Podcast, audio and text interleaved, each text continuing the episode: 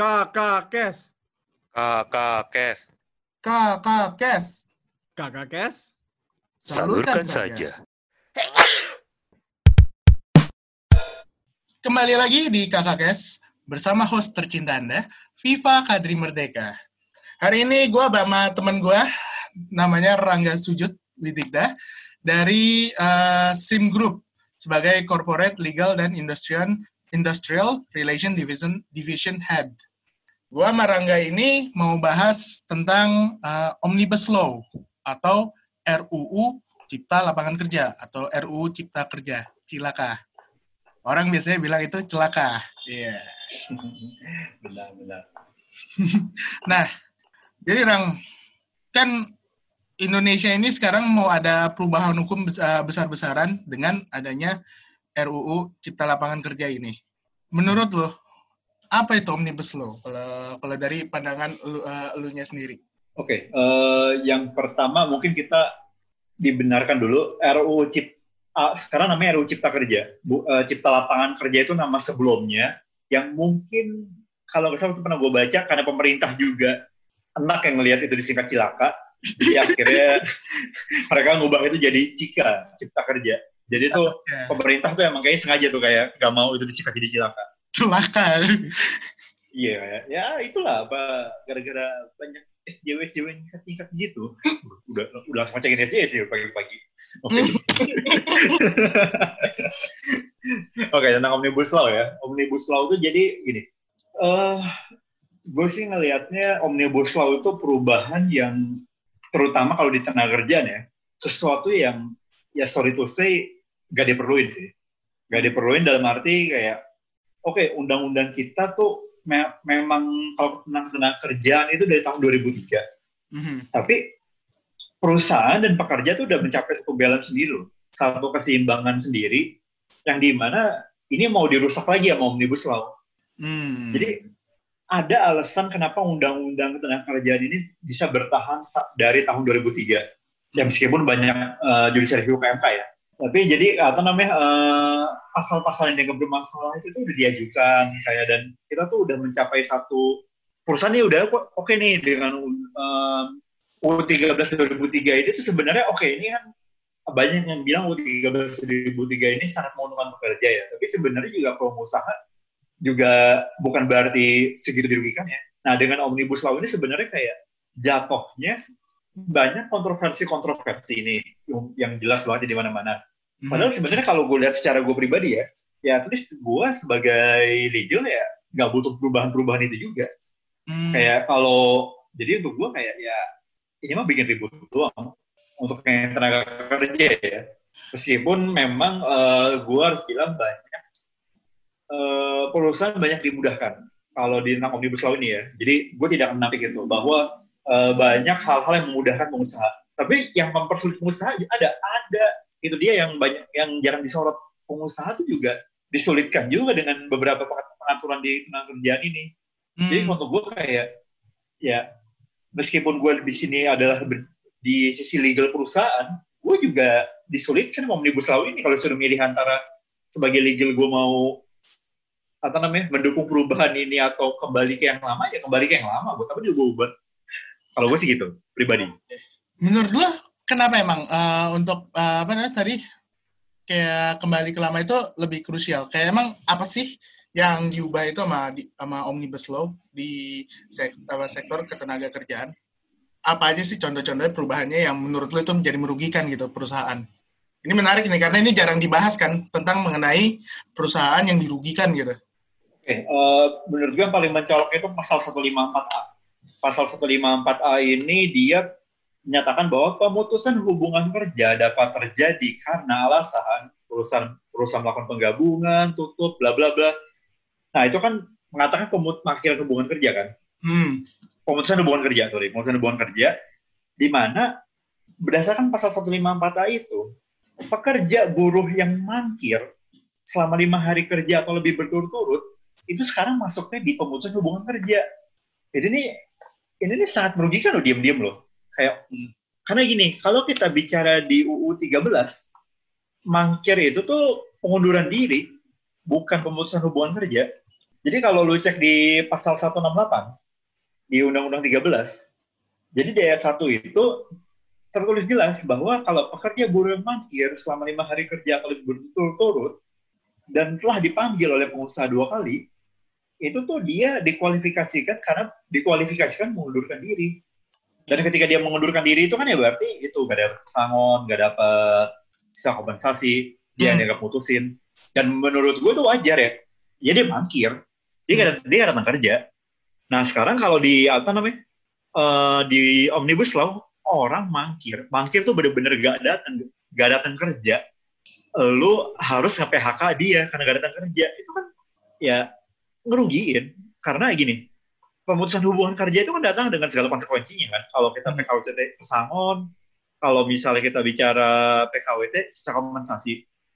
Kalau misalnya memang kayak perusahaan gitu memecat karena ya misalnya entah alasan apa, mungkin kayak lagi ada efisiensi atau misalnya karena memang perusahaan merugi atau apa ya, buruh tetap dapat pekerja tetap dapat pesangon, menurut gue wajar. Hmm. Tapi kalau misalnya mereka mangkir, Mangkir tuh kan artinya mogok kan? Kayak nggak mau kerja aja kan artinya itu. mangkir gak datang kerja dan tanpa keterangan tertulis loh bener-bener dia gak sakit kita gak tahu dia sakit atau kenapa gue gak datang kerja aja Cabut aja gitu kan tiba-tiba. cabut aja Hmm. Ca- cabut tiba-tiba tiba-tiba kita harus kena kasih PH katanya diputuskan hubungan kerjanya PHK tuh memang- lu harus kasih pesangon kan? dia gini to be fair sih memang kalau kita lihat di naskah akademisnya Hmm. eh ketentuan mengenai kompensasi PHK akan diatur dalam peraturan pemerintah Cuma Hmm. ini yang sulit kan nih kita nggak tahu kita nggak tahu apakah mangkir ini nih apa namanya akan digolongkan sebagai PHK yang dapat pesangon atau enggak. Kalau mangkir digolong sebagai PHK yang dapat pesangon mah ya merugi banget pengusaha. Karena pasti biaya akan bengkak. Hmm. Kerja jadi jadi gampang jadi kalau misalnya pekerja nih kayak ah gua malas nih kerja di perusahaan ini misalnya dapat atasan yang gak enak lah atau apa dia tinggal mangkir aja. Gak usah mundurin diri. Kalau mundurin diri kan gak ada pesangon kan? Jelaskan clear gak ada pesangon gak dapat Hmm. gak dapat sisa kompensasi kom- apa namanya? Gak dapat kompensasi sisa masa kontrak. Nah kalau misalnya sampai ini mangkir ini dianggap pemutusan hubungan kerja berarti nanti nantinya di ke depannya bakal banyak loh eh, pekerja yang merasa tidak perlu mengundurkan diri. Hmm. Kenapa? Karena untuk mereka kayak, ya buat apa gue mundurin diri? Kalau gue mundurin diri, gue gak dapet pesangon. Gue gak dapet sisa masa kontrak. Malah kalau di perusahaan-perusahaan tertentu, itu dia.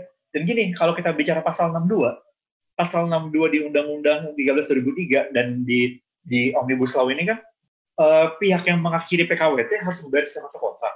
Di beberapa perusahaan, orang ketika pegawai mengundurkan diri, mereka tuh harus bayar sisa masa kontrak loh.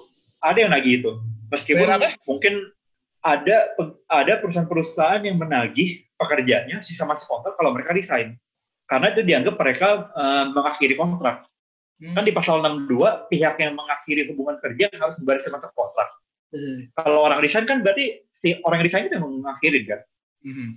Kalau sekarang berarti bisa gini, kalau gue sebagai perusahaan, gue sih memang kalau untuk nagih pekerja yang resign menurut gue ya sesuatu yang nggak diperluin ya. Hmm. Karena kan belum tentu juga pekerja, pekerja kan individu belum tentu juga mereka mampu membayar misalnya gaji mereka eh, 8 juta, sisa masa kontraknya 2 tahun atau satu tahun lah. Dikali 12, 96 juta, belum tentu juga mereka punya duitnya. Cuma permasalahannya adalah kalau di sini setiap mereka mangkir, kita harus bayar mereka pesangon, harus bayar mereka sisa masa kontrak. Ya, ini mah cuma tinggal tunggu waktu sampai perusahaan pada bangkrut aja, pada pekerja pada mangkir-mangkir. Karena gini nih, kalau yang gue laku, yang gue perlu lakuin nih, anggap aja gue dikontrak, biasanya pengusaha emang nggak mungkin langsung lama sih, biasanya setahun lah, setahun dikontrak. Nah, begitu gue dapat kontrak setahun, di hari pertama atau hari kedua gue langsung aja mangkir lima hari, udah begitu perusahaan mencat gue, memutuskan hubungan kerja gue, gue cuma tinggal apa namanya, eh, gue cuma tinggal nunggu gue diputuskan hubungan kerjanya, terus kalau misalnya pengusaha gak bayar sama sama kontrak gue, tuntut ke PHI. PHI paling berapa lama? Tiga bulan. Selama lamanya PHI, ya sekitar segitu. Dengan bermas dengan menuntut hak gue selama tiga bulan, gue bisa dapat hak gue apa namanya upah selama setahun instan. Itu bisnis kurangnya itu apa coba? Kurang kurang Bisnis kurang basah apa Ya, coba? namanya. Iya, makanya kayak kalau dibilang omnibus law ini dibilang menguntungkan pengusaha enggak. Ini emang kelihatannya minor ya kayak apa namanya nyelip doang gitu pasal satu apa namanya lima 4A di ayat satu huruf I. Hmm. Itu tuh kayak minor gitu tapi implikasi gede. Jadi apa namanya eh, pemerintahnya atau siapa pun yang ngedraft ini kayak gak mikir gitu bahwa ada alasannya di Undang-Undang 13 2003 mangkir itu tuh di pasal 168 itu digolongkan sebagai pengunduran diri karena mangkir itu tuh sesuatu yang gak bisa dikontrol pengusaha gimana coba kita mengontrol pekerja mangkir gak bisa. Pantengin dari sadap paling satu-satu yang gak juga lah kan. makanya kayak an aneh. Omnibus law ini makanya gue bilang kayak kalau di kemudahan-kemudahan kayak misalnya PKWT jadi gak terbatas itu tuh ya antara penting gak penting. Ya satu sisi emang memudahkan memudahkan pengusaha. Tapi kalau dibandingkan dengan minusnya tadi yang akhir jadi pemutusan hubungan kerja ya jauh untuk gue sih Bentar ya mending pengusaha ya artinya ya. Bisa udara iya ya. kayak bisa berdarah Jangan mangkir semua ya. Iya, kalau PKWT jadi tidak terbatas gitu-gitu tuh cuma mempermudah pengusaha doang. Kayak nggak sampai yang game breaker banget. Ka- Karena kan apa namanya eh, jumlah tenaga kerja kita kan saat ini berban dibandingkan dengan lapangan kerja kan kalah jauh. Dalam arti pengusaha misalnya kayak cuma bisa kontrak 2 tahun, 3 tahun atau lima tahun maksimal ya so be it. Hmm. Tinggal cari yang lain. Kalau tapi kalau misalnya sampai mangkir ini jadi jadi alasan untuk PHK, eh pusing gue sebagai legal. Pening lo ya. pening kerjaan gua jadi bakal istilahnya yang tadinya Ngasih kayak pesangon semua anjing. iya Mending kerjanya Bakal- bener juga anjir. Kerjanya juga asal setahun. Oh udah udah setahun nih. Cabut. Mangkir aja. Dia ke PHK deh. iya Digaji. Mending kerjanya bener juga selama setahun misalnya. Kalau kalau lu pikir-pikir, apalagi yang karena yang permasalahannya adalah kadang undang-undang itu yang terselip terselip gitu yang sebenarnya kita nggak nggak bisa yang nggak ngeh gitu, ya kan? persis persis persis gue juga apa namanya nggak tahu ini tuh karena gue baca langsung jadi kayak kalau misalnya kita cuma ngikutin isu-isu yang beredar di media atau di mana tuh kayak isu ini tuh kayak nggak muncul dan gue kayak Media dan media sosial orang-orang tertentu. Ya media dan media sosial orang-orang tertentu tuh kayak nggak isu ini tuh gue nggak lihat muncul. Makanya gue kayak eh ini tuh bahaya loh untuk pengusaha loh. Jadi kayak kalau untuk gue kalau misalnya apa wah ini eh, apa omnibus law menguntungkan pengusaha mungkin kalau kita bicara soal perizinan-perizinan yang lainnya atau ketika lingkungan nuklir gue belum lihat sih sebenarnya kalau untuk apa namanya yang lain-lain itu kehutanan. Bisa aja mungkin ya ada hal seperti itu ya. Tapi untuk tenaga kerja sebenarnya ini gue bilang sih 50-50 50-50 dalam arti ya mungkin nggak 50-50 juga sih kayak 60-40 lah kayak memang pengusaha banyak diuntungkan tapi hal-hal di detail-detail minor ini berbahaya buat pengusaha jadi Terus- nggak bisa dieksploitasi balik Kalau mengenai pesangon nih, lu tau nggak? eh, lu lu baca nggak kayak tentang mengenai eh, pengaturan omnibus law mengenai pesangon buat para buruh? Menurut lu gimana perubahan yang eh, apa eh, yang omnibus itu coba ajukan? Karena banyak orang sih yang concern lebih ke pesangon sih, yang gue dengar-dengar juga. Oke, kalau ke pesangon sebenarnya sih dibilang gini, kalau kita bicara besaran pesangon, sebenarnya besaran pesangon tuh tidak berubah. Tidak berubah dalam arti kalau kita bicara di pasal 156 yang diubah di Omnibus Law, pesangonnya gitu-gitu aja. Maksimal masa kerja 8 tahun dapat 9 bulan upah. Hmm. Tapi kalau kita ngelihat penghargaan masa kerja, itu emang turun. Oh. Penghargaan masa kerja dulunya adalah masa kerja 24 tahun itu bisa dapat 10 bulan upah. Kalau sekarang dibatasin di masa kerja 21 tahun atau lebih 8 bulan upah, turun 2 bulan. Hmm. Tapi itu untuk masa kerja 21 tahun ke atas. 21 Dan tahun. kalau kita bicara di U13 itu tuh 10 bulan upah tuh untuk masa kerja 24 tahun atau lebih. Kalau omnibus, Jadi kalau ya itu bisa jadi minor, bisa jadi major sih tergantung. Tapi gue sih jarang sih sejujurnya ngelihat orang yang benar-benar kerja sampai 24 tahun ke atas ya. Tapi kalau sebenarnya kalau kita bicara pesangon, pesangon itu kan sebenarnya kaitannya de- dengan pemutusan hubungan kerja. Heeh. Karena kan sebenarnya lebih penting daripada pesangon kan adalah parameter pemberiannya. Dalam arti gini, kalau kita bicara di U13 2003 itu kan banyak tuh kayak apa namanya? Misalnya kalau kita bicara force major di pasal 164 Hmm. itu dia dapatnya pesangon satu kali lipat. Kalau kita bicara apa namanya, eh, bukan karena force major, misalnya kayak perusahaannya tutup karena mengal- karena melakukan efisiensi, Hmm. itu dapatnya dua kali lipat. Nah, memang di sini tuh eh, ketentuan ini hilang. Hilang dalam arti dia tuh ke pasal 154 yang tadi gue bilang tadi, Mhm. yang bahwa ketentuan tadi akan diatur di peraturan pemerintah. Jadi kita nggak tahu besarannya akan sama atau enggak. Nah, mungkin yang diributin sama orang-orang karena ketentuan itu hilang di peraturan pemerintah, jadinya ketika misalnya kayak merger atau semacamnya jadi gak jelas lagi apakah pengalinya masih dua atau enggak. Karena kan kalau misalnya ya karena kalau misalnya dulu kan misalnya kayak kita bicara pekerja meninggal dunia, kan dapetnya dua kali itu pesangonnya. Mhm. Terus misalnya tadi eh, perusahaan tutup karena efisiensi, dapatnya dua kali. Nah, terus misalnya kayak PHK-nya karena merger atau peleburan, dan di mana pekerjanya nggak bersedia tuh pindah ke perusahaan yang hasil penggabungan atau peleburan tadi, itu kan dapatnya dua kali lipat. Nah, itu memang hilang ketentuan itu. Hilang tapi gini, hilangnya bukan berarti hilang dalam arti jadi satu kali ya. Hilangnya dalam arti itu akan diatur di peraturan pemerintah. Jadi emang belum clear. Jadi kalau kita bicara benar-benar pesangon, pes- itu sebenarnya angkanya nggak berubah. Yang berubah itu di penghargaan masa kerja. Tapi kalau kita bicara tadi, pesangon-pesangon khusus, pesangon karena merger, pesangon karena efisiensi, pesangon karena meninggal, itu tuh memang itu saat ini hilang. Hilang dan kita belum tahu pengaturannya bakal kayak gimana. Karena itu bakal diatur di peraturan pemerintah. Menurut lo bakal nguntungin atau ngerugiin rakyat dengan adanya pesangon-pesangon spesial itu dihilangkan? Kalau itu jelas ngerugiin. Jelas ngerugiin ya. Jelas ngerugiin. Kalau kalau kita bicara bahwa ini ya, kalau misalnya nanti peraturan pemerintahnya ternyata ngaturnya lebih kecil. Karena kan kalau sekarang misalnya efisiensi itu kan rakyat dapatnya, sorry, pekerja kan dapatnya dua kali. Mhm. Nah, dengan dia dihapus nih sekarang, nggak tahu apakah oh, perusahaan efisiensi dapatnya satu kali atau dua kali, itu akan sangat merugikan kalau sekarang dia dihitungnya jadi sekali juga. Yang tadi mereka harus dapat dua kali pesangon, sekarang jadi cuma nyampe satu kali, rugi. Jadi emang emang ada yang ngerugiin apa deh? Ada yang ngerugiin pekerja, ada yang ngerugiin perusahaan ya di omnibus ya. Jadi nggak cuma pekerja Betul. doang yang rugi ya. Persis. Jadi kalau kita bicara tadi makanya, kalau kita bicara pekerja, pekerja dirugiin nggak? Benar, pekerja dirugiin. Hmm. Tapi bukan berarti pekerja doang yang dirugiin. Hmm. Masalahnya begini, fokus cuma di pekerjanya doang. Kan harusnya kita win-win ya. Jadi ya, Pengusaha ya untung, ya untung. Jangan berat sebelah. Tapi ya sih, persis.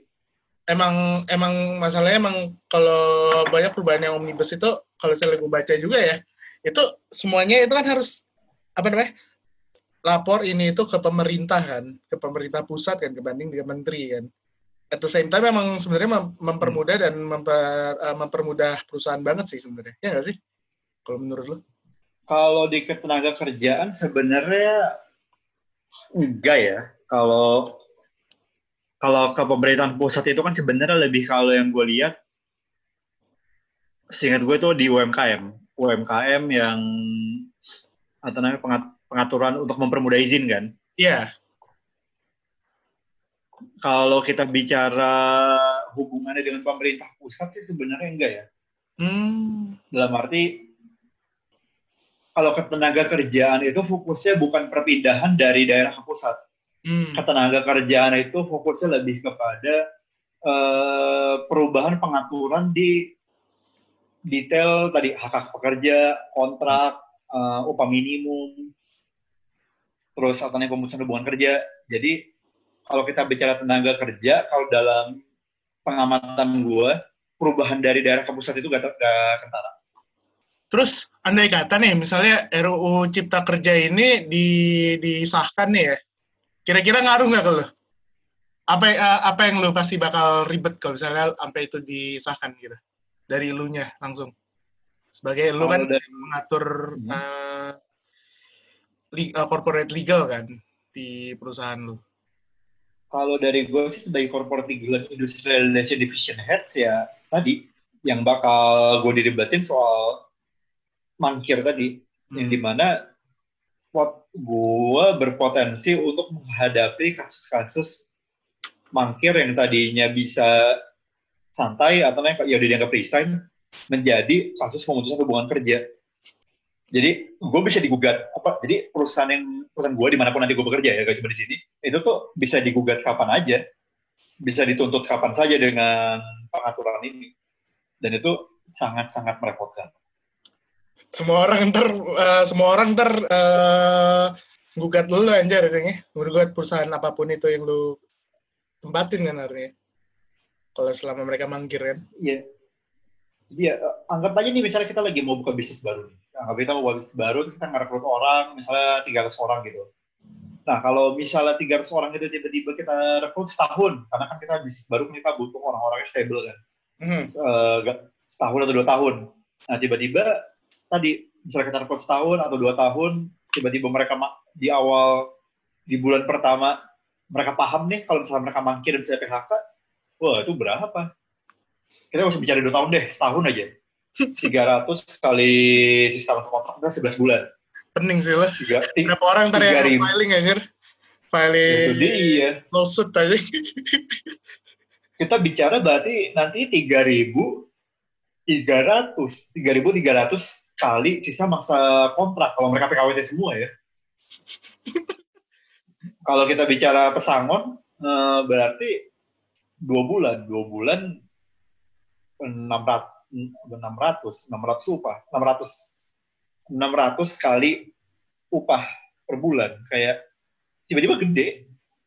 Tiba-tiba pengeluaran perusahaan lu hilang karena pesangon ke setiap setiap karyawan lo ya artinya.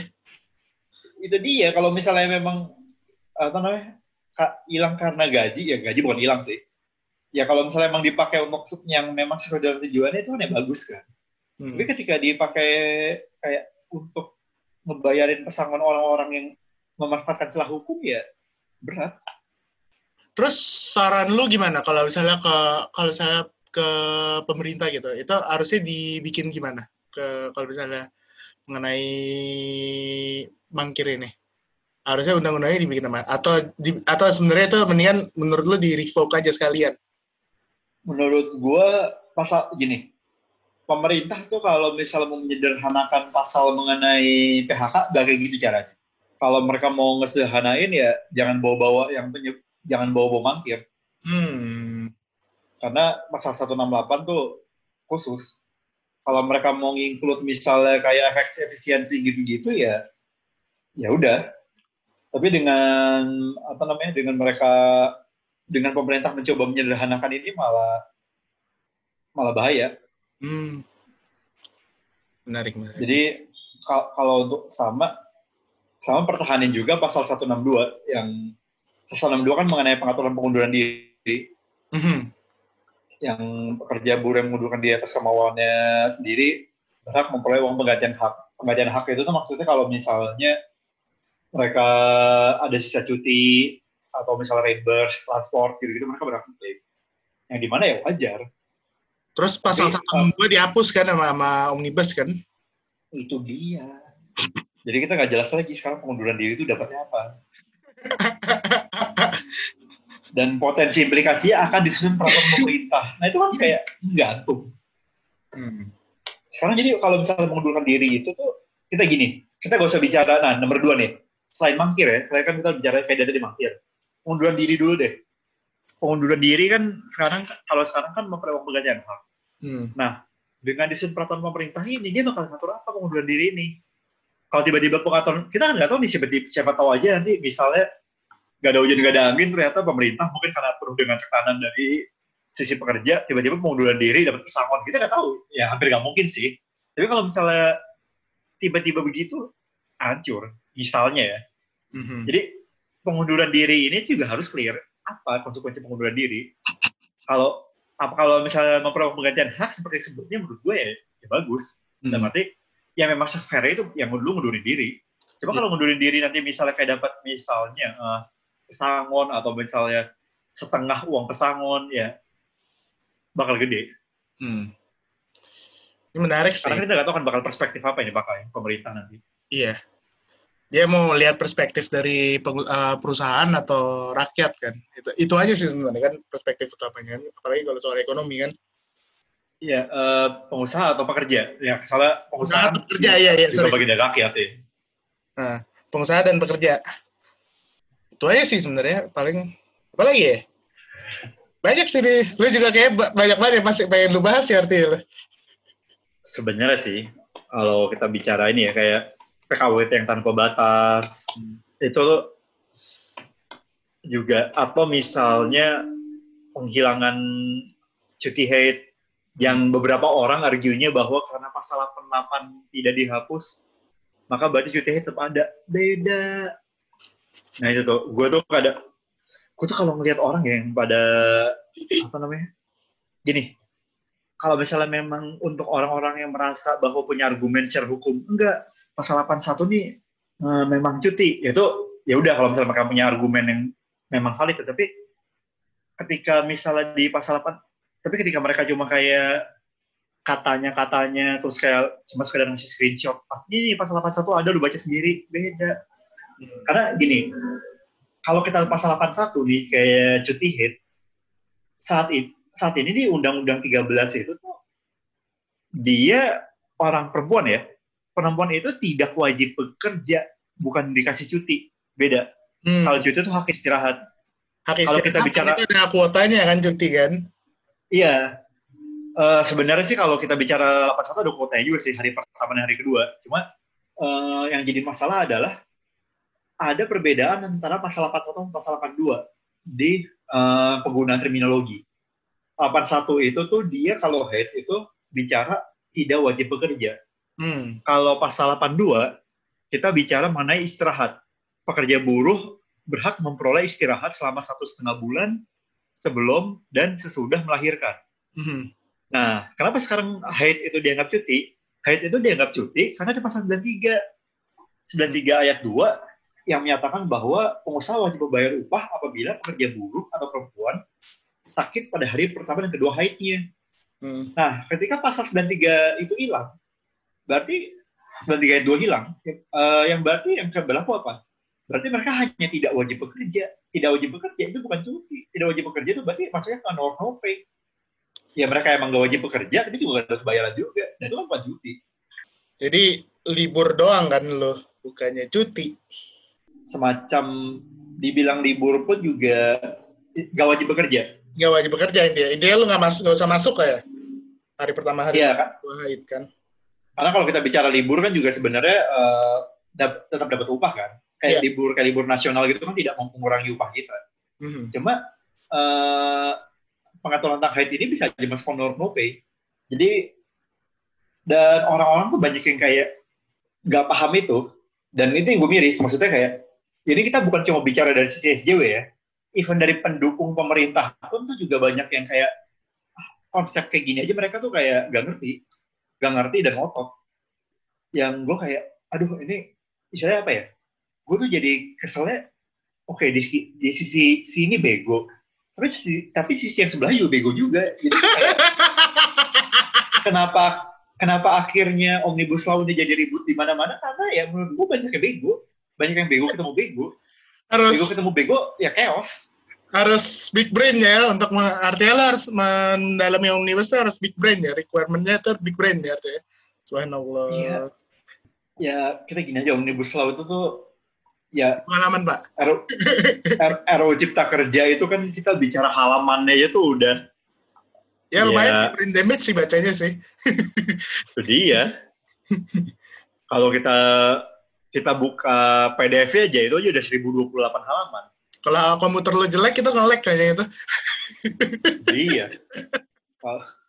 Kalau komputernya misalnya apa tuh dulu Pentium 1 itu aja bisa nge-lag. Kalau kita pengen belajar lebih dalam lagi di naskah akademis ya 1941 halaman. Hmm. Blue screen itu kalau komputernya yang zaman dulu. Makin banyak ya itu undang-undang gila sih Iya, tapi jadi maksudnya kayak om, omnibus law itu tuh kayak sesuatu yang untuk gua ya lu belajar kalau lu pengen ributin ya udah ya gua, gua sih kayak santai mau orang mau ngeributin ini tapi pelajarin dulu karena kalau misalnya apa ya baca dulu iya banyak yang kayak kayak outsourcing tuh aduh banyak yang sampai bahas soal outsourcing kayak Ini ya? kayak Bang, apa namanya? Moral of the story-nya budayakan membaca ya. Itu dia, gue tuh kalau ngeliat kayak misalnya dari SJW SJW itu kayak eh, outsourcing atau naik pekerja misalnya bebas memutus eh, karyawan kapan saja dengan dengan outsourcing kayak lu baca pakai mata atau pakai apa? kayak lu lu tuh waktu SD harus baca tulis gak sih? Lu beneran baca gak sih? Kayak apa ya? Hmm? Gak, gak, gak, gak itu kayak gak make sense. Lu analisis itu dapat dari mana? Dan ketika gue tantang, gue ketika karena kan gue bikin thread Twitter kan, gue tantangin langsung. Kalau misalnya lu ada yang merasa bahwa memang pengaturan seperti ini outsourcing, kasih gue naskah akademisnya atau pengaturannya. Gak ada sampai sekarang. Ya, jadi itu sih ke overallnya mengenai omnibus law dan undang-undang manpower law atau undang-undang ketenaga kerjaan. Thank you semuanya dan selamat menikmati hari. Ciao. Kakak Kes. Salurkan saja.